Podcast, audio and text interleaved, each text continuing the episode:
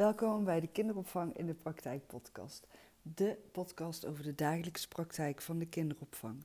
Waarin ik jou meeneem aan de hand van, ja, van wat eigenlijk niet.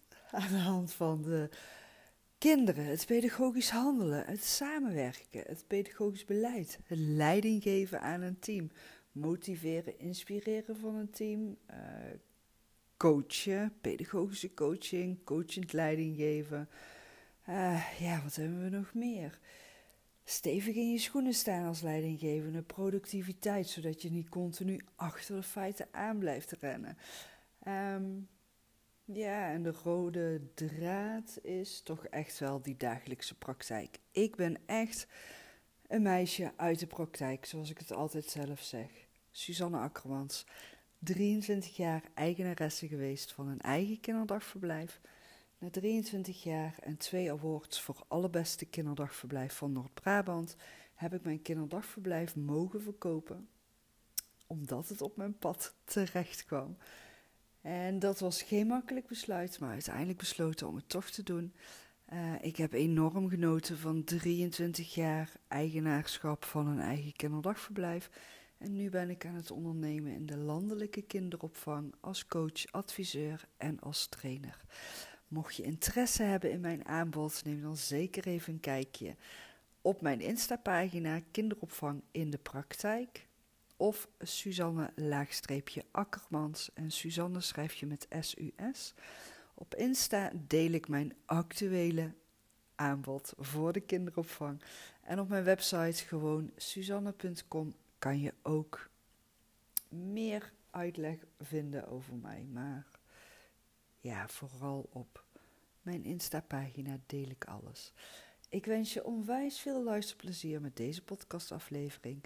En heb je verzoekjes, heb je vragen, deel ze met mij via de mail of via de Insta kinderopvang in de praktijk pagina of de mail suzanne@gewoonsuzanne.com en vergeet niet dat je Suzanne S U S schrijft.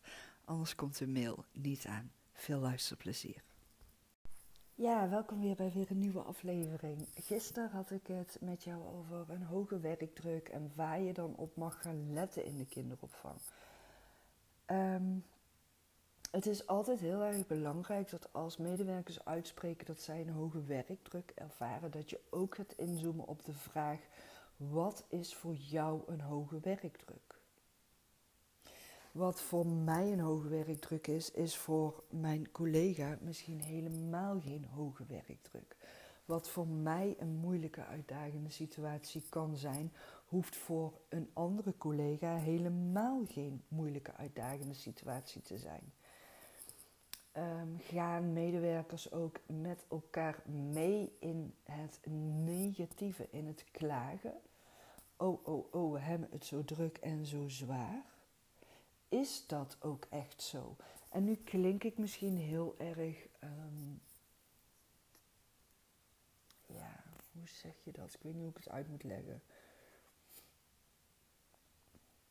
Ik wil niet beweren dat er geen hoge werkdruk ervaren kan worden. Ik wil ook niet beweren, beweren dat er geen hoge werkdruk aanwezig kan zijn.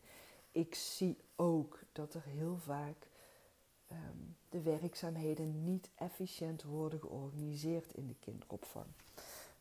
En ik zie dan ook dat daarin behoefte is aan training, ondersteuning, begeleiding, coaching, sturing. Hmm. Sorry. Even een slok water nemen. Ik ben echt zo enorm verkouden aan het worden ineens. Heel irritant, maar goed.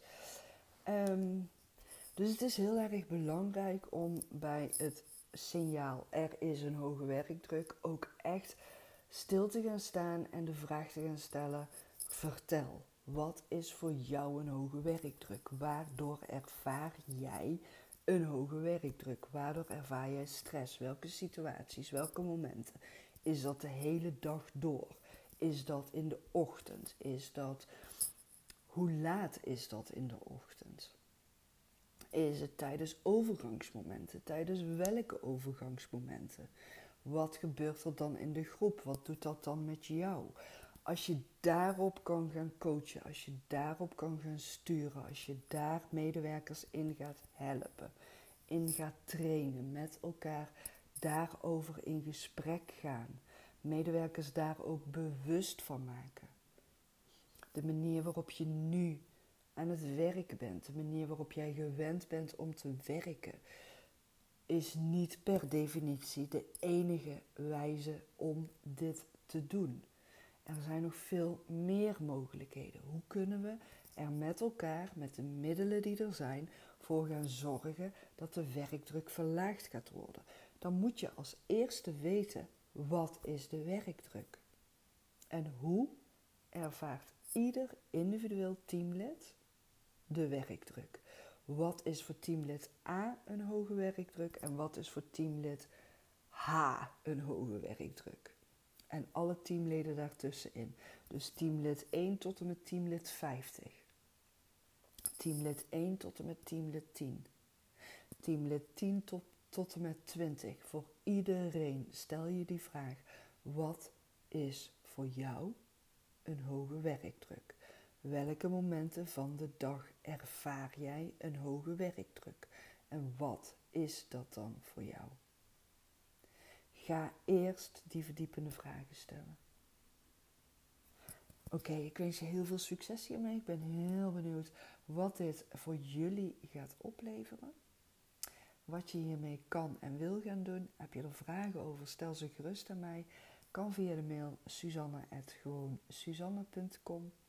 Op mijn website vind je mijn actuele en uh, kinderopvangaanbod www.gewoonsuzanne.com en Suzanne schrijf je S-U-S.